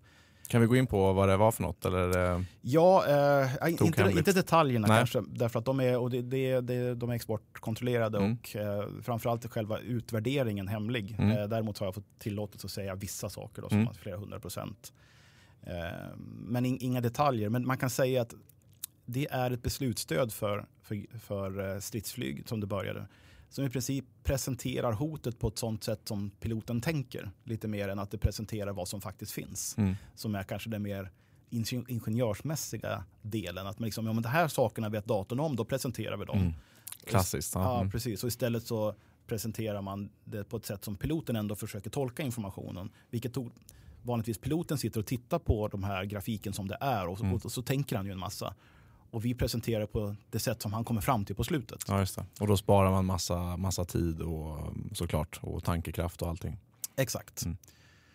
Så eh, då började det och sen så väntade jag väl egentligen att när, när det här hade kommit och det presenteras för alla flygvapenstab, eh, för FMV, för den stora flygvapentillverkaren. köpte det direkt. Köpte in det direkt. Nej, men jag tänkte, då, då tänkte jag att det här kommer, nu kommer ju någon att ringa. Det är ju liksom givet. Om man har flera hundra procent Mm. eh, force multiplier för ett eh, stridsflyg. Det är liksom, man kan ju räkna på det. Det är liksom flera hundra miljarder i värde bara verkligen. för Sverige. Så nu kommer någon att ringa. Mm. Och så har jag fortsatt att konsulta lite grann och lite så här, så det var ingen som ringde. Så då var jag och eh, en eh, jätteduktig ingenjör vid namn Martin Olsson och Stefan Wilson, då, min gamla kontingentchef, eh, som, hade, som i, och med det här skiftade över till eh, Försvarshögskolan, Mm. eh, som är utanför Försvarsmakten. Vi sa att vi måste starta ett företag kring den här idén och några andra idéer som vi hade också. Så då gjorde vi det för att helt enkelt ta det här till marknaden för att det, det måste bli någonting. Men, eh, men samtalet kom inte. Samtalet kom inte utan eh, då efter, ja, jag tror det slutet på 2015 så vi var på eh, Formel 1 i Austin, oss tre. Vi, vi träffade varandra lite grann genom eh, Formel 1-intresse. Och då under två och en halv vecka där så formade vi bolaget i idé och eh, såna här saker vad vi skulle göra. Mm. Och sen så började vi lite försiktigt eh, i några, ett par år, eh, helt egenfinansierat, fortfarande helt egenfinansierat. Och sen så nu är vi liksom fler och fler eh, då som, har, eh, som vi anställer och så vidare. Och, Och var, varför ringer ingen då? Eller ringde ingen? då tyckte jag det var vansinnigt. Mm. Nu är det lite grann att nu förstår jag ju eh, mycket mer av liksom hur, hur det fungerar Mm. Eh, inom det försvaret. Inte inom försvaret, inom försvarsindustrin. Och den är väldigt annorlunda än civila. Hade det här varit civilt då hade, det varit liksom, då hade de ringt Kör. direkt. Mm. Kör. Eh, här har ni pengar att fortsätta Mm. eller här vi köper idén eller någonting sånt. Försvarsindustrin jobbar inte så utan de jobbar enligt beställningar Mm. till väldigt mycket. Och då ska det ju komma en beställning från försvaret via FMV som ska gå till Saab. Och det här är ju mångåriga projekt. När vi pratar Gripen så är det ju liksom Ja, det, jag tror att Gripen E beställdes väl i 2014-15 någonstans där och ska levereras om alltså FOC om några år. Mm. Så det är liksom tio års cykler. Mm. Och det är ganska snabbt jobbat mm, i Ja, ja. stridsflygsvärlden. Ja. Absolut, jämför man med F35 så är det Mm. längre än så. Det finns eh, de som har varit ytterligare längre. Eh, men eh, ja, så, så det, det är bara lite grann så som det funger- fungerar. Dessutom hade vi lite otur i det att beställningen för Gripen E hade kommit strax innan det här. Vilket, eh, Pengarna var slut. Ja, det, så, det var ett fastpriskontrakt som, det, som var väldigt populärt då för då trodde man att man tjänade pengar på, vilket Mm. man inte gör. Och massa andra anledningar. Så liksom det, det finns väldigt bra anledningar. Det är inte inkompetens någonstans utan det här har formats i att försvarsindustrin har i princip varit under neddragning, eller i alla fall beställningar från Försvarsmakten mm. under neddragning liksom i 40-50 år. Mm. Så alla har lärt sig att vända på kronan in i minsta och det är inget bråttom för att fienden är inte är här imorgon och man vill alltid beställa, ligga långt fram, framåt och så vidare. Så kommer man inte in rätt där i beställningscykeln, då, beställs, då liksom, det spelar ingen roll hur bra någonting är. Eh, därför att det finns inga pengar kvar. Därför att då måste man putta ut någonting annat som någon annan har eh, fått in. Just det. Men idag då, om jag tänker alltså, ja, jag själv har ju varit ganska så kritisk. Jag tror många med mig som har varit i, i eh, Försvarsmakten. Alltså 2008 så eh, ja, då hade vi Georgienkriget, eller Ryssland eh, invaderade Georgien. Eh, men det tog ända till nu 2022, 2021 egentligen innan, innan man vaknade till. Hur, hur ser det ut nu då? Är det, Ja, in, industrin är nog inte jättestort förändrat. Det har börjat dyka upp ett antal försvarsföretag som lever mer enligt den civila modellen. Mm. Eh, jag kommer att tänka på Helsing till exempel, väldigt AI-fokuserat. Anduril i eh, Palantir och så vidare som är ny, nystartade försvarsbolag som lever enligt den civila dogmen att eh, precis som vi då egentligen, vi, vi, vi, vill höra till samma gäng där men vi är en storleksordning eller två under i storlek då mm. naturligtvis. Eh, men där man gör produkter först. Mm. Och när man har gjort dem och de är klara i princip, då går man och sen försöker man sälja dem. Ungefär mm. som man gör i den civila marknaden. Det är ingen som bestäm, beställer en ny app eh, och så vidare. Som beställer Facebook och sen när den är klar då lanserar man. Utan mm. det är några eldsjälar som gör någonting och sen så är det bra så tar det fart. Mm. Det låter ju utifrån sett lite mer logiskt att man gör så. Att man, det låter också som lägre risk för den som sen slut, slutar med att köpa det eftersom den har inte behövt betala någonting innan det är klart så att säga. Nej, man vet ju vad man får för att mm. det är klart. Så det är, ju, det är så det bör vara. Men det är svårt att vända om en industri som har legat och fått en massa beställningar och, och bok och räkning till att helt plötsligt nästintill inte få några beställningar skulle det vara då på bok och räkning och börja liksom betala förhand. Det är en omställning som kostar en massa pengar i cashflow och så vidare. Så det, det är nog svårt att ställa om till det. Det har jag full förståelse för. Eh, utan jag ser väl en fusion i, eh, i, framåt här, det vill säga att små företag som vi som jobbar på det sättet hjälper till att leverera produkter till de som kan stoppa in dem i flygplan, på olika typer av flygplan, olika system och så vidare. Och sakta men säkert så kan man tillsammans då eh, snabba på det här. Och den stora fördelen kanske ligger i att om man gör en produkt utifrån att man ska göra en bra produkt, då blir det oftast en bra produkt, i alla fall om det är en bra entreprenör.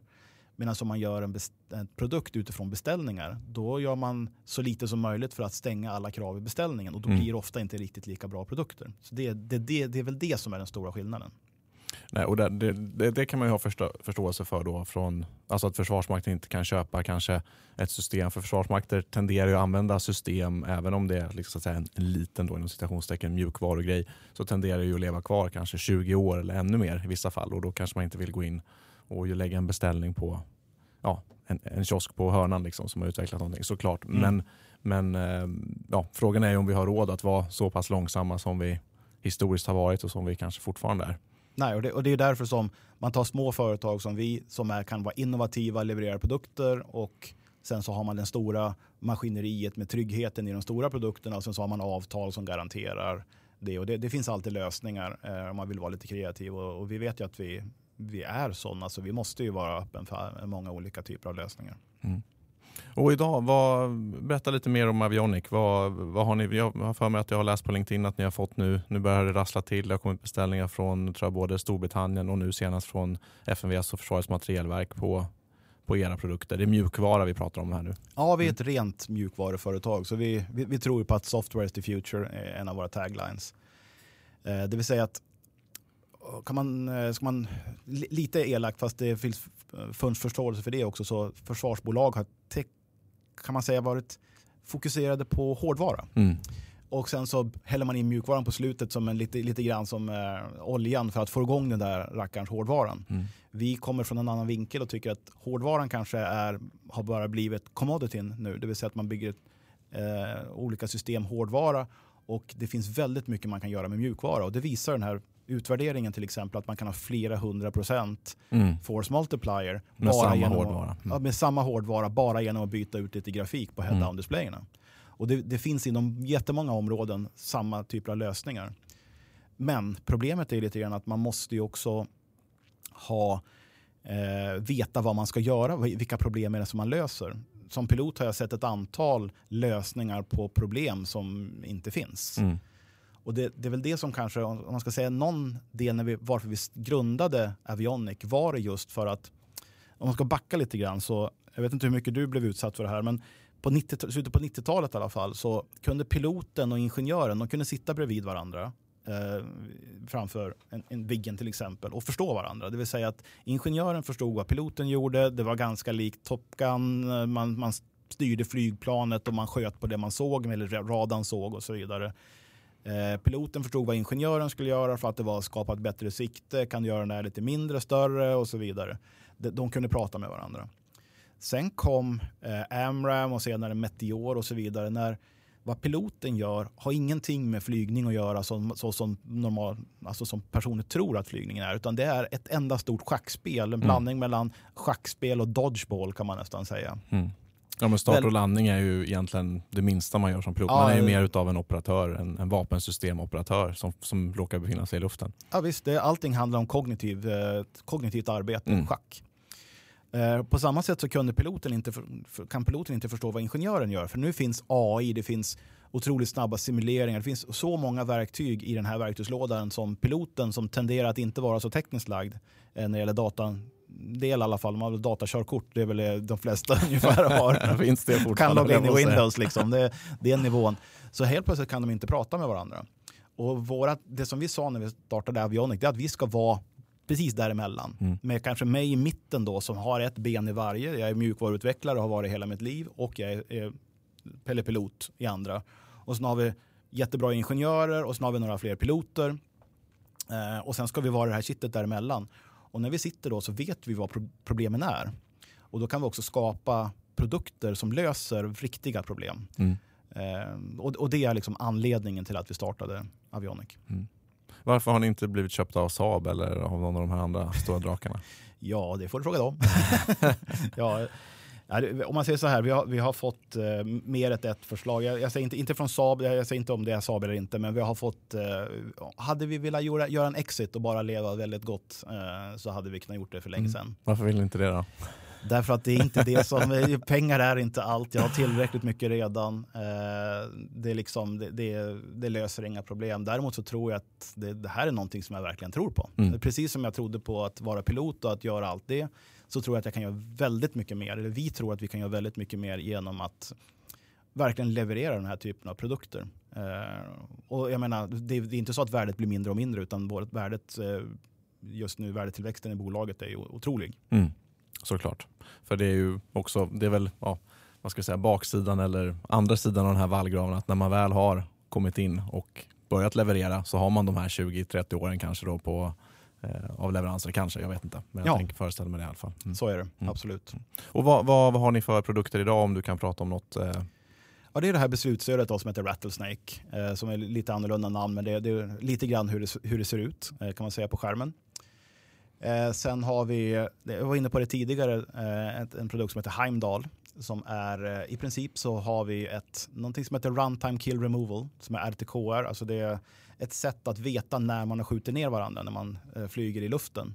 Då finns det olika hårdvarusystem för det, som Cubic säljer till exempel, som ett företag med man, har, eh, man hänger poddar under flygplanet mm. som kommunicerar med varandra. Men vi har ett rent mjukvarulösning eh, på det. Så man får perfekt utvärdering av luftstrid i luften direkt när det händer. Så det blir i princip lika bra i luften som det är i FLS eller till och med lite bättre för man använder riktiga sensorer. Mm. Och det här är en produkt som bara, den är enkel att göra eftersom vi har våra andra saker, vårt modelleringsframework.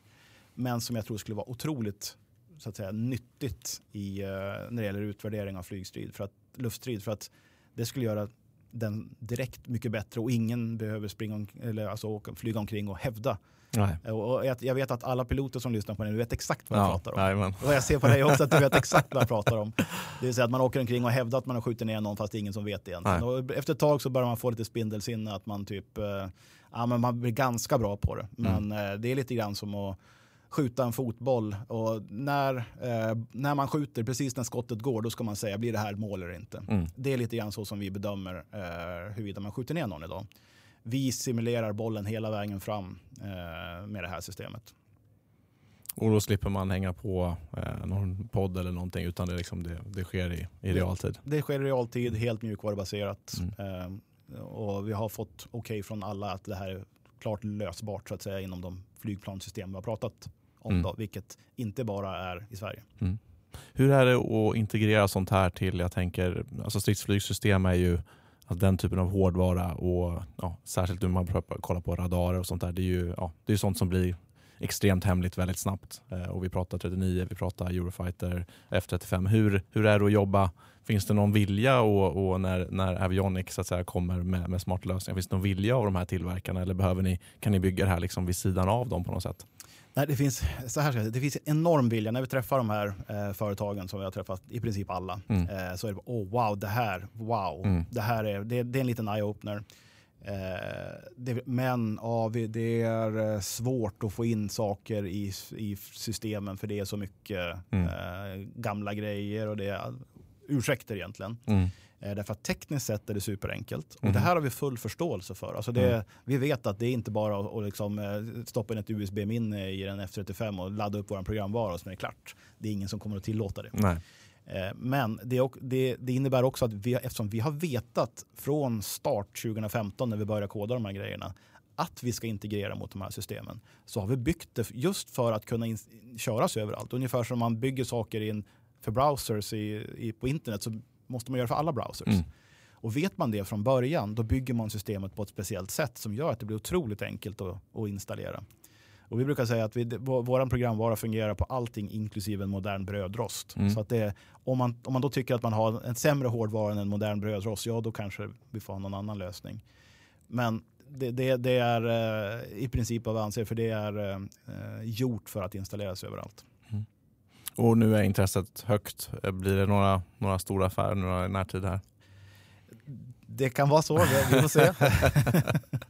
det finns definitivt möjligheter. Det finns definitivt. Sen är det, den är en bransch där det är sällan affärer. Det vill mm. säga att det är, det är liksom en eller ett par gånger per år som man får riktigt stora affärer. Mm. Eh, och det tar ofta minst ett år och ibland flera år av förhandlingar fram och tillbaka för det ska passa in i olika tidlinjer. Mm. Och du kan ju tänka själv om man bygger ett stridsflygplan som tar 15 år att göra. Så det går inte att komma år två och installera sånt som de är intresserade efter att installera år 13 utan det finns ju en timing. Mm. Tack och lov finns det väldigt många system och vi är inte bara mot flygplan utan det är ju eh, command and control system, simulatorer, eh, allmänna studier. För det vi gör i grunden är egentligen ett otroligt eh, snabbt och effektivt vapen och flygplansssimuleringssystem. Mm. Det är vad vi har i grunden till allting. Mm. och det behövs överallt. Mm. Ja, jättespännande. Vad, jag tänkte vi skulle prata lite också om vad, vad tog du med dig liksom från, från flygvapnet till företagsvärlden? Du nämnde det att du hade alltid haft lite entreprenörskap, så att säga, eller lite, ganska mycket kanske till och med. Eh, vad, vad tar man med sig? Vad, vad finns det några likheter mellan företagsvärlden och att vara pilot i flygvapnet? Ja, oj, det var en fråga som jag inte har fått någon gång så det måste jag försöka komma på något smart.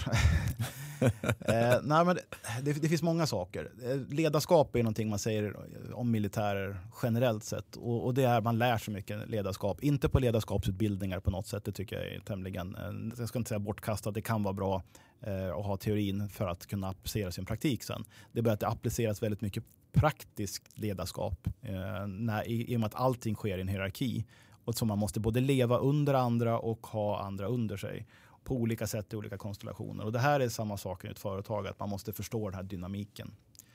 Sen när det gäller pilotdelen specifikt så handlar det om det som du var inne lite grann från början, att väldigt mycket handlar om risk management, eller sannolikhet som jag brukar tycka. Det vill säga, vad är sannolikheten att någonting ska hända? När behöver man ta ett visst beslut? Ska man ta det tidigt som vissa gör för att förkorta beslutsprocesser eller ska man ta ett beslut så sent som möjligt? Mm. Vad Eh, vad påverkar det och så vidare. Det, det, har man väldigt mycket nytta av. Eh, just den här sannolikhetsberäkningen och lite kyligt titta på alla problem. Mm. Just det. Ja, nej, men jag, jag, jag håller med dig. Det finns ju mycket eh, som jag tycker man tar med sig. Eh, men det, det, ju, det, handlar ju om människor till syvende och sist. Liksom. Mm. Eh, och, ja, det är väl inte så mycket nytt under solen med, med människor, utan människor är ju människor. Så, eh, helt klart.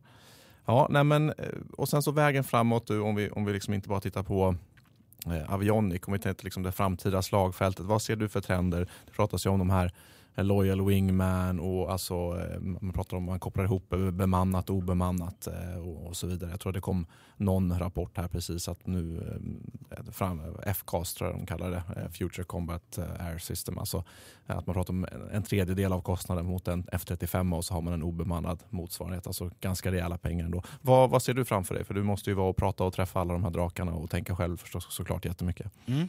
Jag var faktiskt förra veckan på International Fighter Conference där de pratar precis om de här sakerna. The Future Battlefield var var och varannan. Eh, det var tre dagar av eh, föredrag av flygvapenchefer och motsvarande.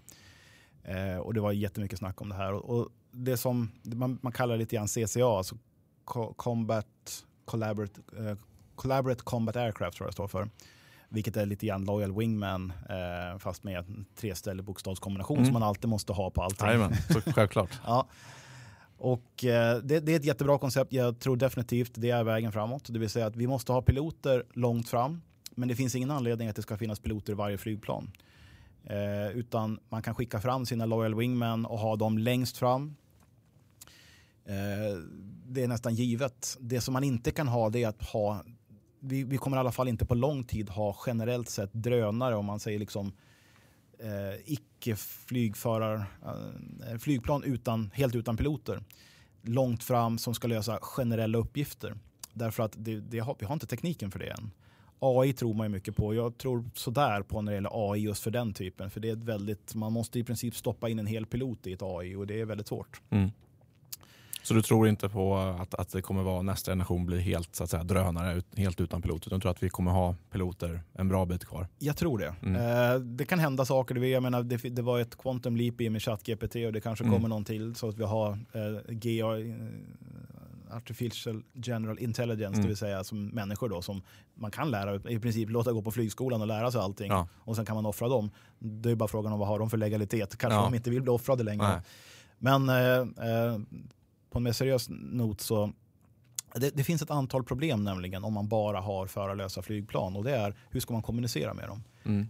Kommer vi någonsin legalt, i alla fall i väst, att släppa iväg dem för att bedriva krig österut, eh, fritt för allt? Eh, förmodligen inte på en väldigt lång tid, eh, såvida det inte händer något, alltså såvida det inte blir ett storkrig och det är verkligen nu måste vi göra det här för att överleva, då kommer vi naturligtvis att göra det. Mm. Eh, men om det inte blir ett storkrig, då kommer vi inte att ha de legala möjligheterna att göra det. Utan vi måste styra dem lite mer direkt. Mm. Och då, måste man, då kan man tänka sig att man styr dem från marken eller från luften. Eh, från marken är lite farligt därför att om, man, om då fienden lyckas störa kommunikationen till de här mm. flygplanen, då har de i princip slagit ut dem. Mm. Och har man då inga förarledda flygplan längre, då kan man, då, det är ett väldigt farligt scenario för att mm. det innebär att om fienden hittar ett sätt att vi vet hur vi kan störa ut alla sätt till det här flygplanet, då kan man slå ut fiendens hela flygvapnen.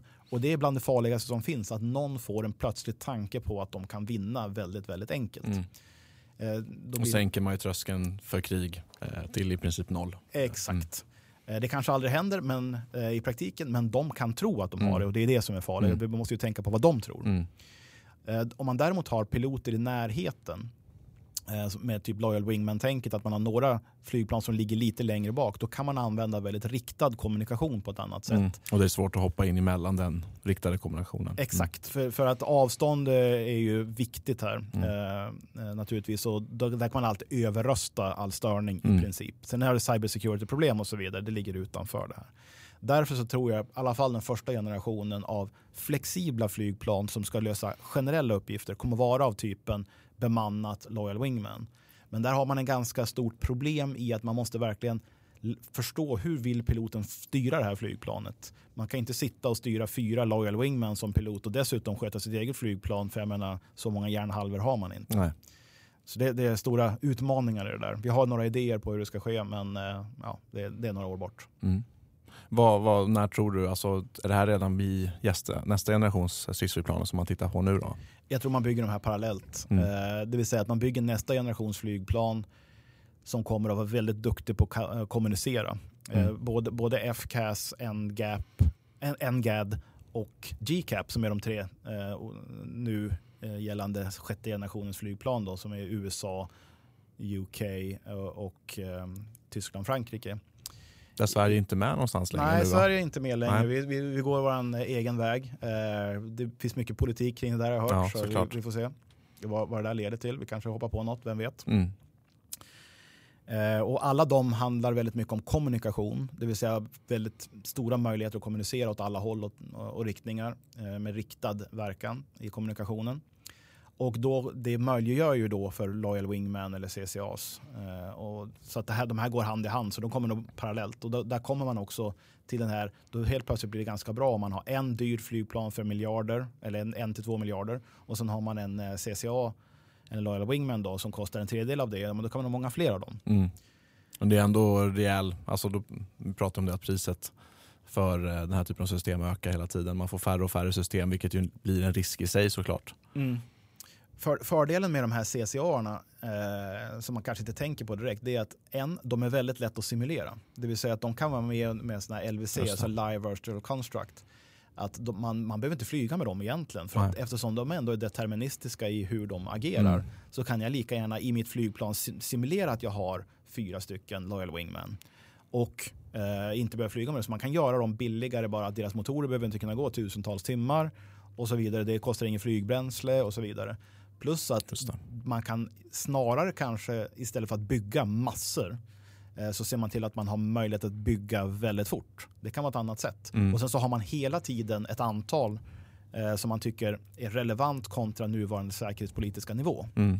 Eh, Så man har liksom, om man har 100 eller 200 eller 500 byggda men man har hela tiden en produktionskapacitet för att väldigt snabbt öka upp det här. Mm. skulle vara, tycker jag, optimalt. Plus att de ska inte alla se likadana ut utan man bygger nya fränare versioner av dem hela tiden. Och sen så rangerar man ut de, de äldsta från början Mm. mot slutet. Så att det, eftersom det inte är piloter i dem som behöver lära sig exakt hur flygplanet fungerar utan det är bara ett system Mm. som ska styra dem så, kan, så är det mycket mer möjligt att ha olika versioner som är specialiserade på vissa saker och så vidare. Mm. Ja, då kan man ha en air policing version, man kan ha en spaningsversion, man kan ha man, ja, det är naturligtvis allt däremellan också. Ja. Och då, då kan jag säga bara se, sp- spåna fritt nu, men då har man ju moderskeppet är ju kanske lite mer långtids och sen så byter man ut de här efterhand så att man får fränare och fränare grejer lite oftare. För annars är det ett problem idag med stridsflygplan att de måste leva så otroligt länge vilket gör att man måste framtidssäkra dem så otroligt mycket vilket gör att de i sin tur tar ännu längre tid och blir ännu dyrare och så vidare. Och interfacet mellan piloten och flygplanet är ju svårt och jobbigt att göra och det finns ju inga sådana interface i en Loyal Wingman vilket gör att man har större frihetsgrad att ändra saker hela tiden. Hur mycket tror du att en, en eh, riktig pilot kommer flyga i framtiden? Ja, alla säger att de vill flyga väldigt mycket med simulator. Alla, alla chefer framförallt Mm. eh, och, och kanske de som betalar definitivt. Och alla piloter vill flyga mer. Alla piloter vill flyga med så det är Mm. två mothållande faktorer och vem ska man lyssna på? Ja, det finns eh, saker som man inte kan träna den här, sim- den här simulatoreffekten som jag pratade om som gör att det är inte samma sak att flyga en simulator eh, som att flyga i en, för då skulle vi kunna ta gamers och sätta där. Utan, Mm. eh, de skulle förmodligen, då kan man träna hur mycket som helst, skulle vara jättebra på det. Men det är ett sånt adrenalinpåslag och det är när det är på riktigt att då kanske inte alla gamers riktigt eh, eh, kan leverera på samma nivå. Så man måste flyga riktigt. Sen om, det är, om vi pratar 50-50, 30-70 eller 70-30, det är omöjligt att säga. Så det beror på hur bra simulatorer var. Mm. Eller 40-40-30 som jag tror var en, st- jag ska inte säga namn, jag tror var en statsminister som sa det, 40-40-30. Ja. Ehm, vad, vad ser du mer? Du sa det att du hade varit på Fighter Conference och du är naturligtvis med i, i den här branschen och tänker och, och ja, till och med leder utvecklingen. Vad, vad ser du mer när det gäller, om vi ska prata stridsflyg och, och, och luftkrig, vad, vad ser du mer där ute?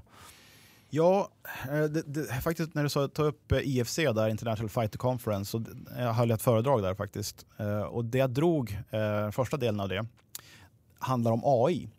Och det är just det här lite som vi var inne på, att vi tror inte riktigt på den här no-code AI, det vill säga att man gör ett enda stort AI där man stoppar in alla problem, eller man liksom input är all, allting som finns, alla radarekon, alla allting och output är hur flygplanet ska, ska flyga. Mm. Det, det är så som AI-ingenjörer tänker. De vill lösa hela problemet i AI, det vill säga att eh, man har en massa data, AI tränar på det och sen så får man en massa output. Man behöver inte koda någonting däremellan. De gillar inte att koda. Vi tror på verifierbara AI som är mycket, mycket mindre och löser väldigt specifika uppgifter. Det vill säga sådana AI som kanske bara tar var är en, en robot kontra ett flygplan och vad är det för hotnivå mellan de här två. Det är någonting som man alltid kan verifiera med en simulering och det är hårda fakta allting. Det finns liksom inga okända här. Så att det, det kan man genom uttömmande eh, eh, simuleringar då validera. Eh, fortfarande statistiskt, man kan aldrig titta in i ett AI. Det är väldigt viktigt. Man kan aldrig titta in och se hur funkar skruvarna i det här AI. Så är det inte. Nej. Men det man tittar på runt omkring, det är det som är grejen. Och med ett verifierbart AI då, som vi har, då kan man verifiera det rent statistiskt.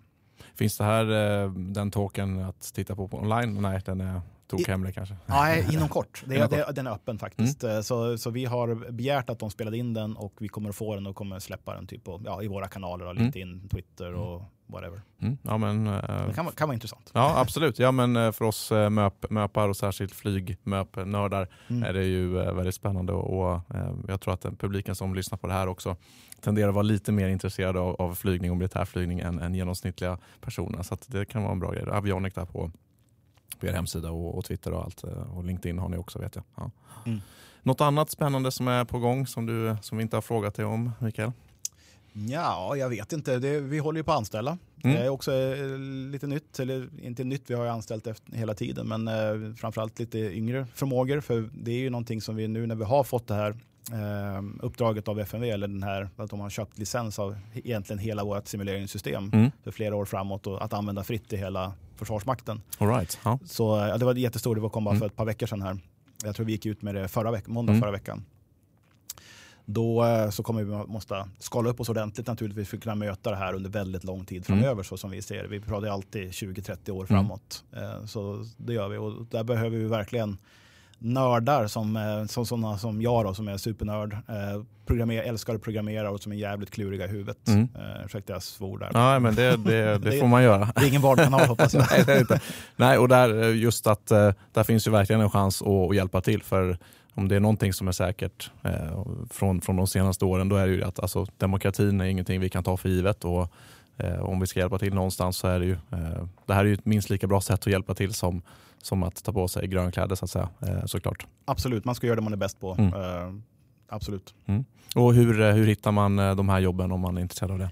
Det finns, finns på LinkedIn har vi lite grann, nu är vi lite hemliga så där, vi använder mm. ett företag uh, som rekryterar lite grann åt oss. Men annars så finns alltid jag, mikael.grev.avionic.se att kontakta direkt. Vi mm. är Eh, det är effektivt att kontakta oss direkt. Det är någonting som vi också lever efter. Det att vara, det, tillbaka lite grann till det där du sa var fördelar med pilot. Det är att det, allting skulle vara väldigt mycket effektivt. Mm. Och det kommer på en tredje sak. Det är mm. också någonting man lär sig i företagandet. Att hela tiden ta bort all administration. Mm. Alla möten som inte leder någonstans och så vidare. Det är en stor grej. Mm. Fokusera på kärnuppgiften, det man är duktig på, det som ger resultat. Exakt. Ja men kul. Ja, massa spännande tankar och tack så mycket Mikael att du eh, kom hit till Maxtent och pratade om de här sakerna. Jag hade kunnat sitta här hur länge som helst. Men eh, vi, jag tror att vi, eh, vi börjar runda av där om inte du hade någonting annat. Nej, jag tycker det är bra att runda av och vi måste ju komma ihåg att det är GTns dag idag. Ja, jag Precis tänkte säga det. Så dags, att, lika bra. dags att dricka ikapp. ja. jag kör ju inte bil så jag, jag, kan ju ta det ja. mm. nej, nej, men Tack så mycket Mikael och vill du tack stödja eh, Maxtent Podcast så kan du bli månadsgivare på Patreon och då får du ju tillgång till våra episoder innan de släpps publikt. Eh, hjälp oss också gärna att lämna en femstjärnigt betyg på Spotify eller Apple Podcast. Det hjälper oss i alla algoritmer eh, där också att komma ut. Eh, och vill du boka mig, Max, för föreläsningar eller annat så bara hör av er. Eh, och det som vi har pratat om det idag på podcasten, att det vi lär oss i flygvapnet, det finns någonting för alla att ta med sig där. Eh, och jag finns ju förstås på snabla Max Willman under Youtube och andra sociala medier och Mikael Duke Grev finns under snabla Mikael Grev. Och våra tankar går som vanligt ut till alla de som hjälper oss där ute. Demokratin är under attack och vi alla måste hjälpas åt om vi ska få ha kvar den. Så stort tack till alla där ute som hjälper till och till nästa gång. Det här är Max och Duke. Fly safe.